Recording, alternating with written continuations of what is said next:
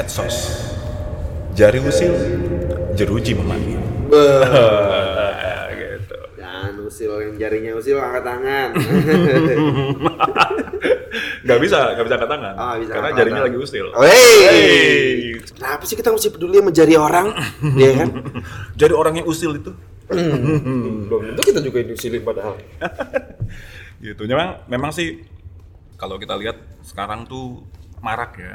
Korban-korban banyak berjatuhan gara-gara penggunaan medsos yang kurang bijak. Sembrono. Nah, sembrono gitu dan Gegabah. gegabah.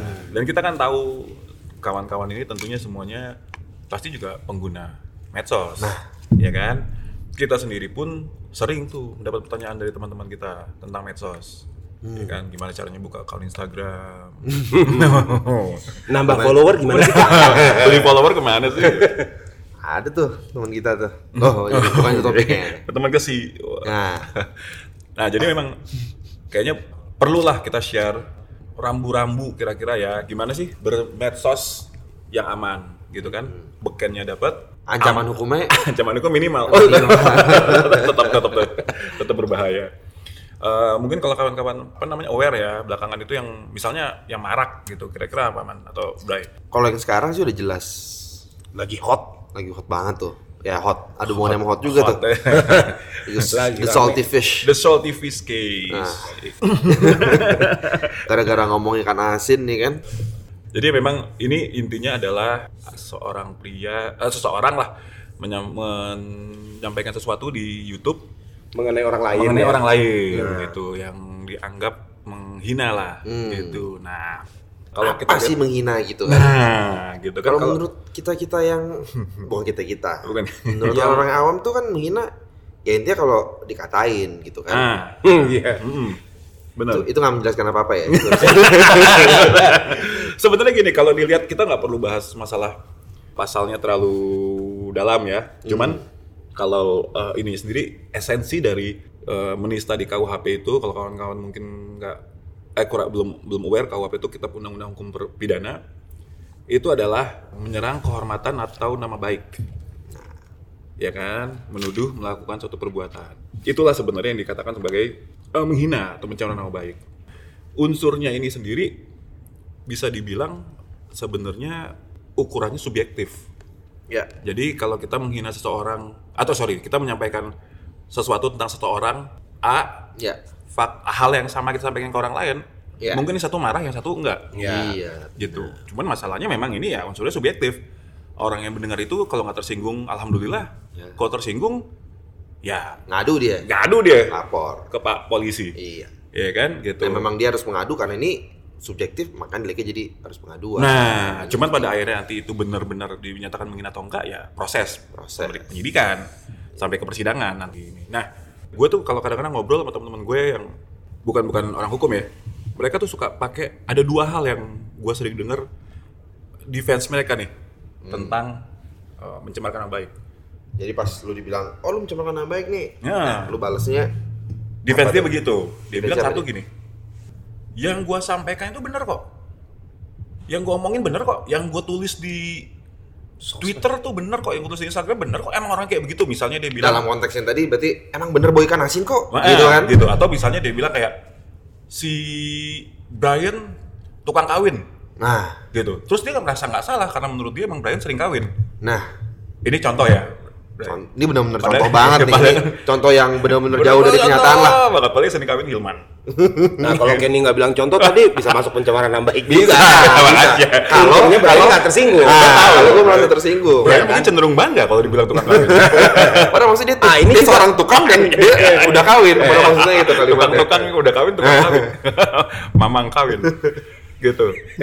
Nah itu jadi seolah kayak enggak dong yang gue bilang bener kok. Emang di tukang kawin Ya. kok marah? Gitu. Kenapa gue jadi mencemarkan nama baik lo? Ya kan? Iya. nah ini sebenarnya ada satu kan ya? mispersepsi karena di teori hukum sendiri terkait sama pencemaran nama baik ini ya kalaupun yang disampaikan itu suatu hal yang benar misalnya si A ini memang tukang kawin terus kita sampaikan ke publik bahwa dia tukang kawin. Nah yang akan dilihat itu sebenarnya intensinya apa sih disampaikan informasi itu keluar gitu kalau memang tujuannya untuk menghina orang lain untuk mencemarkan nama dia Iya. masuk bareng Mm-mm. kena itu pasal Gitu. Jadi memang semua harus lihat di konteks lah. Walaupun benar. Walaupun benar, harus lihat di konteksnya.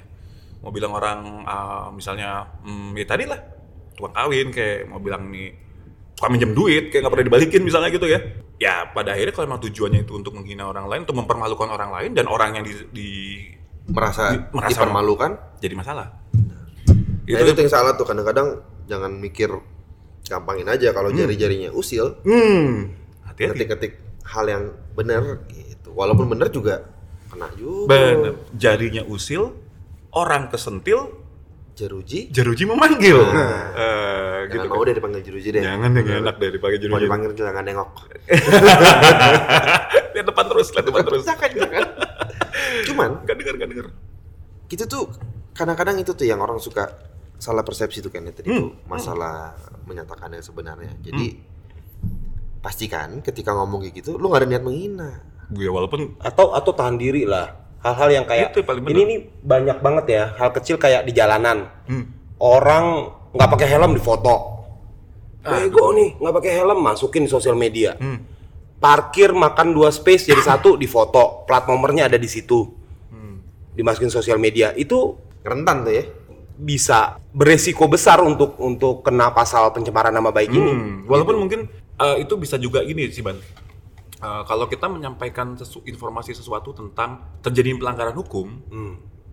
Itu defense-nya bisa berbeda tuh. Nah, ya sebagai kan? sebagai of argument betul ya. Ah, Kita bisa ngeliatnya ke situ. Walaupun bahasa lu juga hati-hati. Misalnya Ah. lu kayak menyampaikan eh, ada parkir mobil sembarangan kayak tadi lu bilang. Ada yang bilang- bilang si dongo nih parkir iya monyet dikasih SIM begini nih gitu. Ada tuh yang begitu banyak kok. Padahal itu banyak. mungkin banyak juga yang ngelihat di apa namanya di newsfeed sosial Gitu ya, sering. medianya muncul kayak gitu-gitu gitu. Betul sih. Padahal kalau dia bilang monyet dikasih kacang, ya monyet juga gak bakal marah. Mungkin Monyet gak bakal marah. Nah, ini kan emang yang nyetir itu emang belum dikasih SIM tuh monyet. Iya. Jadi di situ salahnya di situ Iya, padahal kan. betul, bener-bener. betul. Siapa Bener. bilang dikasih SIM? Dasar monyet. Iya, Hal kayak dapat delivery makanan, taunya dalamnya ada kecoa atau apa. Nah itu agak hati-hati, itu sering tuh. Nah, main di posting, Sering, sering, media. itu sering. Ini contoh-contoh ini perlu kita sampaikan karena mungkin kalau nggak disampaikan kita nggak ngeh sampai segitunya Betul, gitu. betul. Nah, Rentannya kenapa tuh? Rentannya kenapa kalau yang bagian si kecoa tapi dalam gini, makanan? kalau gue melihat beberapa kali yang Rentan gue, dia gue perhatiin, terutama perusahaan yang besar ya, perusahaan yang besar yang eh, memproduksi Makanan. mak- makanan. Iya.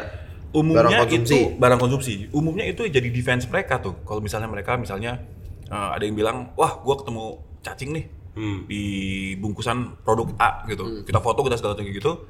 Itu defense mereka pertama umum biasanya tuh yang gue gue perhatiin ya gitu, langsung laporin pencemaran nama baik segala macam. Terlep gue nggak ngomong benar salahnya, Hmm. Iya, cuman kita kan lagi ngomong resiko nih Iya. gitu. Nah kalau kita nggak hati-hati ya gitu itu. Cuman kan sebenarnya kalau kita melihat ada apa namanya menemukan sesuatu yang aneh ya di satu produk makanan, kan di kantong di kantongnya udah ada tuh Pengaduan. Kan ka- apa customer line atau apa? Oh, gitu. iya. Ya ikutin aja jalur Iya, itu. iya. Karena memang gue pikir sih kalau misalnya memang akhirnya langsung disebarin begitu aja, balik lagi tuh. Iya. Memang benar kok makanannya ada- ada cacingnya, tapi maksud lo apa lo sebarin? Iya. Kan udah disediain forumnya untuk lo. Belum belum lagi kalau misalkan beneran dilaporin ke polisi gitu ya. Hmm. Susah bu untuk bukti ini bahwa beneran pas lu buka beneran ada cacing di situ. Hmm. Bisa-bisa malah lu yang dituduh masukin cacing itu ke dalam. Waduh. Gitu malah makin berabe lagi. Hmm. Atau tadinya sebenarnya masukinnya bukan cacing. Hmm.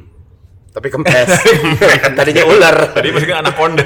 Tapi enggak. Ya, Tiga hari kok kecil. kok jadi jadi cacing? Jadi cacing. Gue melihat kadang-kadang orang itu juga bukannya mau mendapatkan ganti rugi, Heeh, benar. bukannya dia mau memperingatkan perusahaan, Ah, tapi betul, sekedar betul. dia pengen dapat likes. Iya iya sebenarnya yang kayak Iya kan? yang terus terus makin senang ketika orang di-share gitu. Oh, reshare wow. Oh, oh, padahal wah itu makin menyebar. Iya. Lama terbentuk para tujuannya emang mem- membentuk tujuan pengkomplain produk. Iya. Hei para komplainer-komplainer, Ya, banyak tuh complainers perhatikan aku. professional complainers. Please be careful, man. Iya iya iya. Ya tapi kan kita juga tahu udah banyak udah banyak kejadian juga perusahaan penerbangan ya. Penerbangan, benar. Eh, disampaikan ada orang yang menyampaikan di, di video eh, di Instagram story atau apa gua nggak tahu yang dia Iya bilang iya. tadi. Tentang pengalamannya. Karena kebetulan orang itu memang profesinya atau pekerjaannya adalah reviewer atau vlogger gitu lah ya, tra- travel vlogger lah. Ya regardless eh, memang ceritanya macam-macam ada yang dia bilang dia sebenarnya nggak menghina segala macam. Tapi itu contoh yang bagus ya bahwa maksud- maksudnya suatu, satu hal yang tidak akan dilakukan itu ternyata eksesnya bisa sampai sejauh itu bisa dilaporin ke polisi dan lain sebagainya gitu. Jadi eh, ya harus lebih aware lah. Nah, selain yang tadi tuh eh, setuju nggak nih? Selain yang tadi yang masalah eh, dia bilang enggak kok benar kok informasi yang gue sampaikan benar apa nih orang masih marah gitu. Ada satu lagi yang cukup umum juga nih defense-nya. Yaitu lo kan gue gak sebut nama. Pernah denger gak? Kayak gitu. Iya, iya. Gue gak sebut nama kok, kenapa dia mesti marah? Iya. Gitu. Yang GR lo gitu ya. Ya, lu GR lo gitu. Iya tuh. Itu ada juga tuh kemarin yang apa akun salah satu akun Instagram yang followernya banyak. Hmm. Gitu juga nyebut nyebut orang idiot gitu, nggak disebut nama, idiot gini-gini gitu. Nah, berdasarkan itu terus ada laporan polisi. Hmm. Eh malah yang akun itu malah seneng ya. Berarti lu bener idiot dong katanya. Iya, yang tersinggung. bulat. Jawa- Iya. Orang Jawa bilang bulat. Iya, enggak. Enggak, Ngeyel. enggak ngerti siapa yang jebak siapa, aku juga jadi Iya. gitu. Ya, kita Kalau nikmatin saja. gitu, kan katanya kan, lah kalau lapor polisi, yang lain-lain yang profesi sama nggak lapor polisi karena mereka nggak ngerasa idiot. Berarti yang lapor polisi tuh ngerasa idiot gitu. Dia tuh nggak nyebutnya profesi tertentu Ada, idiot. heeh, ada. Ini ini profesi ini ini. Ini ini itu itu. eh, idiot ini gini gini. itu. Eh habis itu laporin polisi. Habis itu ada lagi postingan lagi. Dia bilang, "Oh, Orang berarti sama. benar. Ah, Berarti benar kan? Lapor berarti benar. Iya. Berarti lo sendiri yang ngaku bahwa lo adalah idiot Wah. gitu." Hmm. Hmm. Itu reverse psychology juga tuh ya. Iya, reverse iya. psychology juga. Iya. Tapi kan sebenarnya bener kan kalau lu kita kecil-kecil kan juga kalau lagi kayak temen kayak misalnya ngomong yang mau kentut lo gitu. Terus apaan sih lu? Ya berarti bener ya lo kan suka Iya, gitu. iya, iya, betul, Jangan marah gitu. dong kalau misalnya Iya. nggak kentut tuh jangan marah. Kayak gitu tuh logikanya. Iya, iya, iya. Dan ternyata di umur kita segini masih ada orang yang pakai. Iya. wow. Itu berarti dia masih kecil sebenarnya. Tapi ya memang kunci itu semua tuh lihat konteks lah menurut gue. Iya. Soalnya- Karena gini loh, sepinter-pinternya kita ngeles ya, kita mau ngomong misalnya enggak kok, gue nggak menghina kok, gue ngomong gini-gini maksudnya bukan menghina. Jangan lupa kalau misalnya disidik oleh polisi, polisi itu pasti akan menghadirkan seorang atau dua orang ahli bahasa. Betul. Nah, ahli bahasa itu yang kemudian akan, Akan melihat, mem- ya. melihat tuh, dianalisa satu-satu kalimatnya disambung-sambungin dengan ilmu kebahasaan apa misalnya ilmu bahasa apa linguistik Linguist. linguist linguist Iya. nah akan ketemu tuh mereka bisa lihat oh ini benar maksudnya menghina gitu Hmm. misalnya kayak lu bilang lu nggak sebut nama nih tapi lu bilang kayak pemain Barcelona yang nomor 10 Paling keren, paling jago. eh, bego gitu enggak gua sebut nama gitu pas Lionel Messi kan protes kan Ah. itu about me gitu kan Itu keba- itu kebami ese. gitu.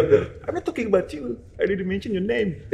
No, but Barcelona play with number 10 is only me. It's only moi. Itu ya, ya kayak gitu gitu sebenarnya kan kita lihat konteks. Nah, Hmm. gue suka melihat eh, di media atau bahkan kalau lagi diskusi sama teman-teman kadang-kadang teman-teman lupa tuh itunya konteksnya. Betul. Dan kalau zaman dulu tuh, eh bukan zaman dulu ya, belakangan juga sempat ada yang ahli body gesture gitu lah, apa sih namanya itu? Iya iya iya betul betul betul. Jadi dia juga ngelihat cara penyampaiannya Iya. gitu. Nah, kalau yang di video gitu juga kita belum lihat sih. Ini dia dia me, Gue Tapi ada orang bukannya ngeledek terus loh. mukanya ngeledek ya. Semua ngomongnya yang ngeledek. Bukannya ngenyek, bukannya ngenyek. Cuman kalau tapi bahaya loh, lo kalau misalnya jadi kena masalah karena muka lo dianggap ngenyek. Nah. kadang-kadang tuh kodrat juga. emang. Iya. Ya kan emang tampangnya gitu. Emang tampang Iya. saya gini, Pak. Ya, saya sedih. Coba mana muka sedihnya? Begitu dia bilang Muka happy ke polisi, dia bilang mantan saya gini, ngenyek kamu. Kenal lagi Aduh ya Allah. Kerangkeng langsung. Kenapa lagi? Gara-gara muka ya. Iya. Nah, loh. Hmm. Ya, berarti orang kayak gitu emang nggak boleh jadi youtuber. Nah, Oh, nggak ayo. bagus juga kan kita membatasi. Nggak nggak boleh nggak boleh. Nggak poin Jadi- poinnya adalah jadi- poin gua adalah sebenarnya subjektifnya sih cukup tinggi. Oh betul. Ya kan? Betul. Iya. Subjektifnya tinggi. Tapi yang paling penting tuh yaitu yang kayak dibilang tadi nih orangnya merasa terserang apa enggak. Nah. Gitu. Jadi- Apalagi kalau dibuktiin nanti mulai misalkan di sosial media nanti ada akun lain yang menyebut dia dengan sebut-sebutan itu misalnya. Iya, kadang-kadang tuh banyak tuh gue lihat teman-teman gue juga gitu yang ukurannya tuh diri sendiri. Iya. Lo Pokoknya kalau- tersinggung. Eh, gue gak marah tuh kalau dibilangin kayak gitu. Oh iya. Ya. Oh dia yang ngina, dia bilang dia gak Iya. marah. Kenapa mesti marah sih lo? Gue biasa-biasa aja tuh dibilangin. Iya. Kenapa sih mesti marah dibilangin miskin? Gue gak, gue gak, gak tersinggung tuh dibilang kaya. Mm-mm. Iya, Ya, kayak of course. kayak nyambung. Nggak make sense. Nah, tapi itu loh maksudnya penting. Kadang-kadang kita pakai ukurnya ukuran kita.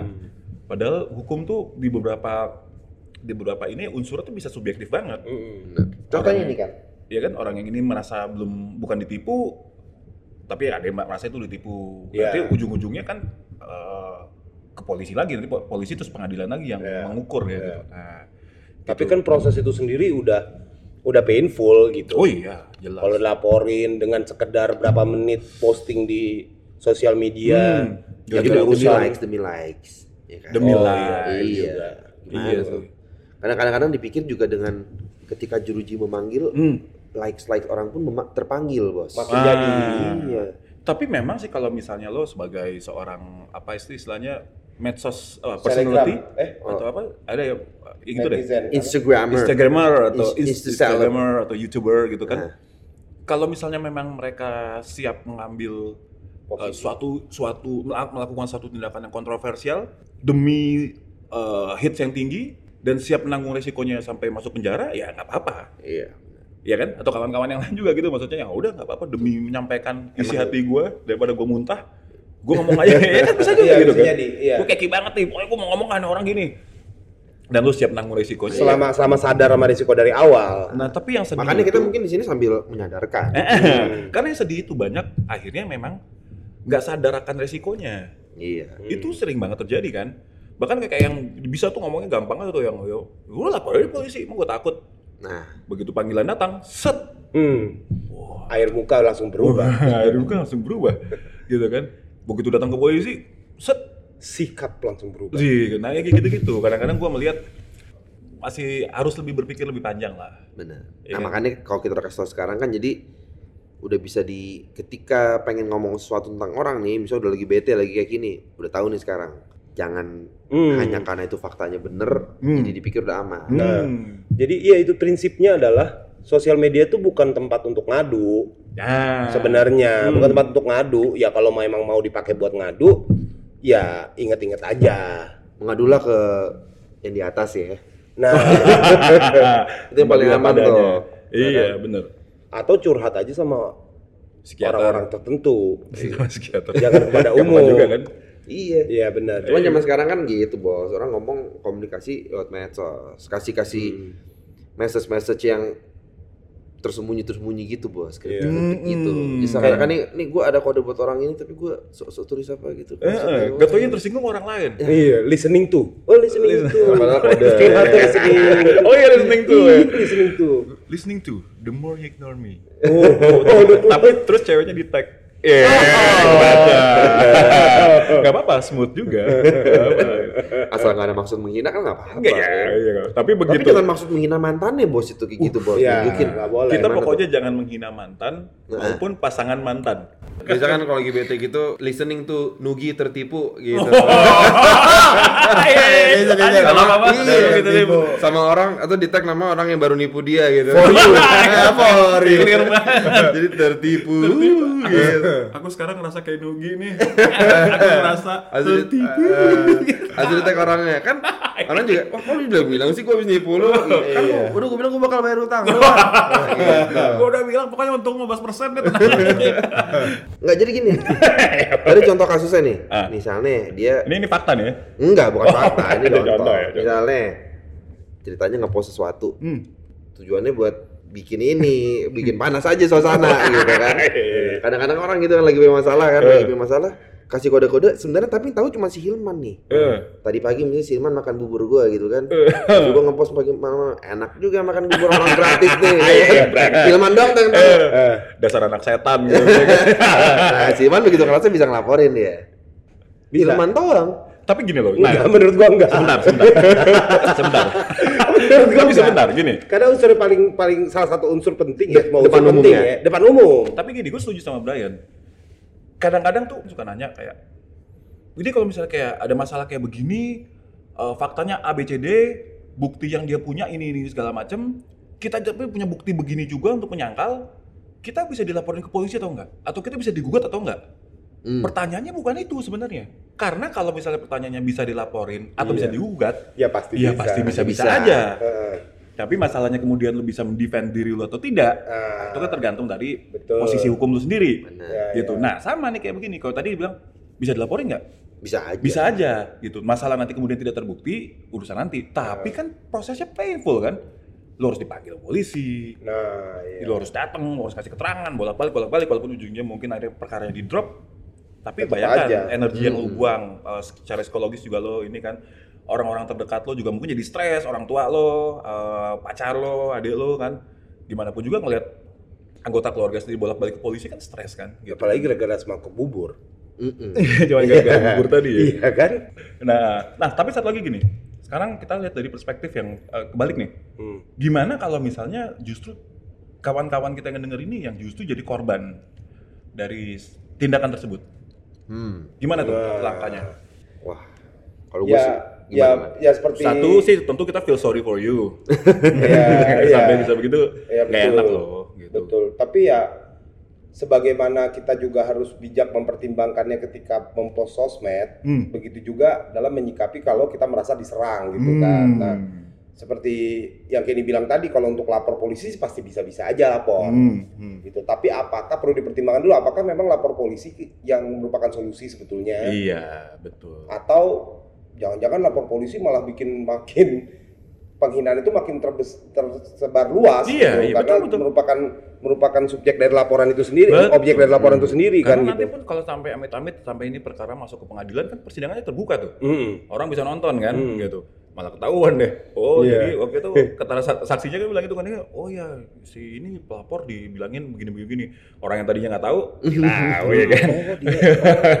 Orang-orang yang tadi Pasti ada aja yang ada aja yang percaya itu kan. ada yang percaya. Ada aja yang gitu. percaya, Terus ada nanti orangnya yang ngepost lagi di di. Twitter kan gitu. "Heh, tadi Lagi sidang penghinaan ini. nih." di pengadilan dia, dia orang menghina ini kena lagi gitu kan. Iya, nah itu apakah Dihinanya ini loh. Oh iya, ini nggak tahu deh bener apa enggak tuh.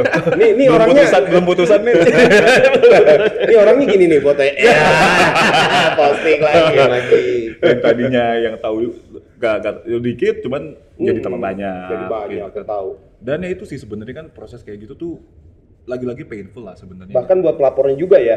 iya. Artinya ada proses-proses yang memang mau nggak mau harus dilewati gitu. Ah, itu tuh meletihkan lah dan gue sih pribadi juga sebenarnya agak ini ya maksudnya agak melihat ini kan menambah beban dari pihak kepolisian juga sebenarnya. Perkara seperti ini. Maksudnya eh, ya semua orang punya hak hukum betul gitu ya. Tapi bisa kebayang lah dengan resources pihak kepolisian tuh yang cukup banyak habis sebenarnya untuk menangani, menangani perkara-perkara yang seharusnya itu bisa kok diselesaikan dengan cara baik-baik sebenarnya kalau Iya. menurut gue. Ya nggak? Bisa secara musyawarah gitu. Betul. Lagian nggak ngebayangin kalau lapor polisi terus masuk ke pengadilan pembuktiannya. Hmm. Kalau yang gitu kalau penghinaannya mengenai bagian tubuh misalnya. Pembuktiannya di persidangan terbuka untuk umum kan juga lumayan juga itu Lumayan, gitu. lumayan lumayan jangan jangan lah Tapi sebenarnya kalau kita di situ pembuktiannya udah nggak relevan lagi itu fak itu benar-benar fakta yang benar terjadi dan memang hanya niat menghina. Pas pembuktian nanti tuh apa yang dikatakan itu fakta itu diuji juga. Diuji, Bu- karena- bukan cuma niat menghina aja. Kalau ternyata fitnah itu lebih gede hukumannya. Hmm. Lebih berat. Gitu. Jadi mu- mungkin diuji kali. Gue gue gue sendiri belum pernah pegang perkara ya misalnya kayak, nama baik. kayak dibilang ada orang dibilang kayak si ini bau ketek gitu Hmm. Terus diuji tuh Mulutnya buketek gitu. Wah, itu, itu masuk muri itu. Iya, itu cenderung fenomena Bisa, itu bisa. Fenomena itu. Iya. Itu bisa Ya. membanggakan juga. Nah, kalau itu mengangkat sama jarang itu kalau nama nggak disebut juga orang langsung tahu oh ini berarti sih ini Pasti nih. iya. Ini nih Bisa jadi mulut- objek wisata iya. yang mulutnya buketek nih katanya. Iya, iya, iya, Gitu. tapi ya gitu kan kalau bisa kayak gitu Kalau itu kan niatnya bukan menghina, padahal gue nih prestasi lu loh. Iya. tergantung tone lu gua rasa Iya. Oh, iya. Iya kan Iya. misalnya kayak, kayak tadi apa mulutnya Mulut lu bau buketek. Eh, aja kayak mulut lu bau ketek Mulut lu buketek. Mulut lu tuh buketek juga. Loh, kok sama dong kita itu banyak ada gengnya, geng mulut bau ketek. Cuma kan kayak kadang gitu aneh juga ya. Jadi apa? Diuji. Ngujinya ada ahlinya, ada ahli. Pembuktiannya kepada hakim itu loh. Gimana buktinya? Bener deh, bener buketek. ahli, ahli. ada bener. ahli ya? Hal Ahli. hakimnya juga harus yang berarti Leketek. tidak ada masalah dengan dengan penciumannya dong. Iya. Iya. Eh, dia Iya kan? harus dia harus sama ahli. Nggak boleh lagi flu misalnya. Berarti pasti. Terus gimana ya? Maksudnya kan apakah si ahli itu akan menganalisa takaran ke baunya ini berapa persen? Hmm. Sampai like dibilang buketek pasti udah ada ambang Iya. batasnya gue rasa. Mungkin ada ambang batasnya kalau di bawah itu Iya. ya nggak nggak nggak nggak enak aja gitu. Ini mah bukan buketek, Pak. Eh, eh, Ini bau cuman aja. Nggak seger gitu. Nggak seger. Cuy kalau ini, wah hazardous nih kalau ini. Iya. Ya kan bisa jadi gitu. Udah ganggu lingkungan. Artinya artinya si pelapor ini nantinya Hmm. kan akan makin apalagi begitu dia pembuktian terus ahli sama hakimnya bilang oh iya benar nih benar nih makin kena dia Iya, gitu iya, loh. Makin banyak. Unsur-unsur diketahui publiknya makin iya, ya. makin besar. Tapi misalnya kalau kayak bisa nggak sih pelapornya pas lagi itu? Oke, kita sekarang pembuktian ini kita eh, Bawa saksi. eh, ya kita kita sekarang coba buktikan masalah apakah betul tuduhan yang disampaikan ini berdasar atau tidak, boketnya apa tidak gitu. Boleh nggak pelapornya kayak cukup cukup aja cukup. Kalau bagian ini ya udahlah hukum minimal aja nggak apa-apa. Jangan nggak usah dianggap fitnah, nggak usah dianggap fitnah. Nggak usah dianggap fitnah, pencemaran nama baik aja.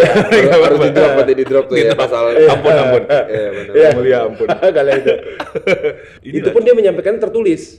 Supaya nggak ketahuan juga itunya kan. Apa bau ketek dari mulutnya itu kan kalau dia ngomong verbal kan langsung terbukti. langsung terbukti. Iya, iya, iya. Submission jadinya. Biar pas dia lagi bacain pledoinya ya. Hmm. Bukan berarti ya. Kan harus si si, si pelapor ya si si Si bulu boket. aja. Ya dia pas baca pledo sudah anggap sudah dibacakan aja Iya, iya. Dibaca. Tapi pidana nggak boleh, harus dibaca. Harus dibaca, berarti baca nama kuasanya aja deh. Baca yang sanggup. Tapi gini deh, kalau misalnya tuh keren juga sih. Tapi kalau misalnya udah keterlaluan lah, udah keterlaluan, eh, hinaan yang diterima ini udah terlalu keterlaluan, eh, dan lu memutuskan, dulu mungkin lu juga sudah mencoba musyawarah, tapi ini orang ternyata ngeyel nih yang yang di yang dianggap menghina kita. Nah, apa tuh, Bray atau Hilman yang apa sih yang eh, lapor Oh, polisi definitely. Kalau Tapi kita apa sih? memutuskan untuk lapor polisi, Hmm. ya bukti siapin bukti-buktinya kali ya. Hmm. Jadi eh, apa namanya link ke postingan itu capture screen kali. Screen gitu. capture. Hmm, karena takut udah dihapus Hmm. Hmm. gitu. Kalau boleh, kalau perlu capture screennya jangan dari satu account Hmm. gitu. Kan Atau kalau mungkin vi- video mesti di save lokal tuh. Mesti Iya. di save. Hmm. nggak artinya misalkan orang-orang dari maksudnya yang yang capture screen capture screen account ini itu dari beberapa account yang capture screen, jangan cuma satu Bukan dari dia gitu. aja ah, gitu. Hmm. Iya, iya. Misalnya, apalagi saksi. Iya saksi juga ya. Tapi gini sih sebenarnya kalau menurut gue yang paling ideal itu dilakukan buat kawan-kawan kita itu sebelum mau mengambil tindakan hukum misalnya mau lapor polisi yang paling sering kita lakukan pertama adalah konsultasi dulu sama pihak polisian Ya. gitu. Ya, Jadi nanti akan efektif nih ya, akan efisien jadinya tindakan kita karena kalau kita diskusi sama pihak kepolisian dan kita tahu polisi cukup cukup open juga kok untuk untuk Ya. ini kan di bagian SPK-nya tuh mereka uh, open buat buat diskusi ya. ya. SPK atau singkatnya apa? Sentra Se- Pelayanan pelayanan Kepolisian. kepolisian ya. benar. Gitu datang ke situ, konsultasi aja dulu, ka- ceritain kasus kita begini nih nih nih Eh, gimana Pak? Ini kira-kira pasal yang tepat apa yang dimasukin? Ya. Terus bukti apa nih yang perlu kita siapkan gitu. Jadi Bisa dibilang pidana kan IPA gitu. eh, karena di SPK itu biasanya tuh ada tim ada tim yang bisa memberikan analisa awal Ya. eh, dan nanti membantu kita sih sebenarnya. gitu. Jadi akan efektif daripada udah datang ke ini duluan, datang po- ke Polda atau ke Polres kan udah rame-rame gitu.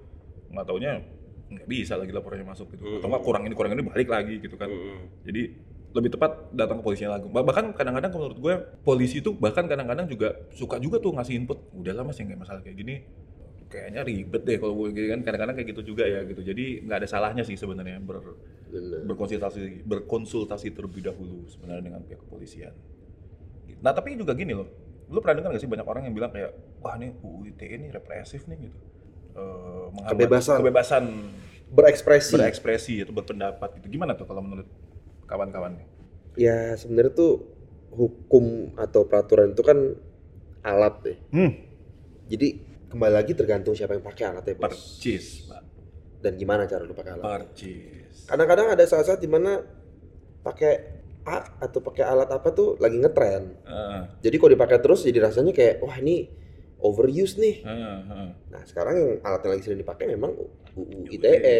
Karena medsos pun lagi Medsos pun emang lagi on the rise. luar biasa kan. Indonesia kan Betul. pengguna medsos-medsos tertinggi, gue rasa atau salah satu tertinggi di dunia tuh. Iya betul mungkin ya.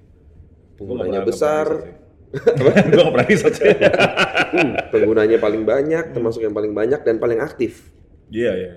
Orang tua gue juga aktif banget tuh pakai Facebook sampai sekarang. Gitu ya. Iya aktif banget. Jadi tuh Oh. itu cara mereka keep up dengan teman-temannya. Oh iya iya betul betul betul betul betul. Nah tapi itu tidak dibarengi dengan kemelekan hukum. Hmm. Gitu. Jadi kadang-kadang orang pakai nggak tahu batasan-batasannya nih kebablasan. Ah. Apalagi yang bener-bener nggak pernah baca deh gitu Ah, kan. Nggak ah. tahu di luar sana ada orang-orang pakai medsos sembarangan Gue gak pernah baca, gak pernah nanya lagi make ini.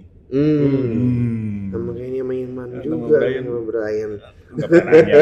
Tapi kalau tiap orang mau posting nanya sama kita berabe juga ya. Iya capek juga ya. Jangan lah, dengerin ini aja udah cukup ngejawab semuanya kan. Betul betul gitu. Jadi, ya, ya. Jadi memang gue setuju banget sama Brian tuh. Orang ya tentu mungkin dulu ada lah produk-produk hukum yang bisa dibilang represif dan lain sebagainya mungkin ada ya. Cuman kalau yang sekarang ada ini sih menurut gue kayak ITE misalnya. Gue nggak sepakat sih kalau Iya. bilang ya, eh, apa namanya represif. mencoba. Karena kadang-kadang orang suka siwer juga sih ya. Ngejek atau menghina orang lain. Ini sering nih kejadian ya pas pilpres kemarin nih misalnya kan. Mm-mm. Lo itu kan kebebasan pendapat. Ya lu bedain dong. Hmm. Berpendapat sama ngejek Iya. nggak sama juga pak gitu jangan Iya. jangan itu terus aja defense lo gitu Iya. kan Kalau pendapat lu ngejek kan eh itu sih bukan itu bukan pendapat doang, Bos. gitu. Enak juga semua orang berpendapat.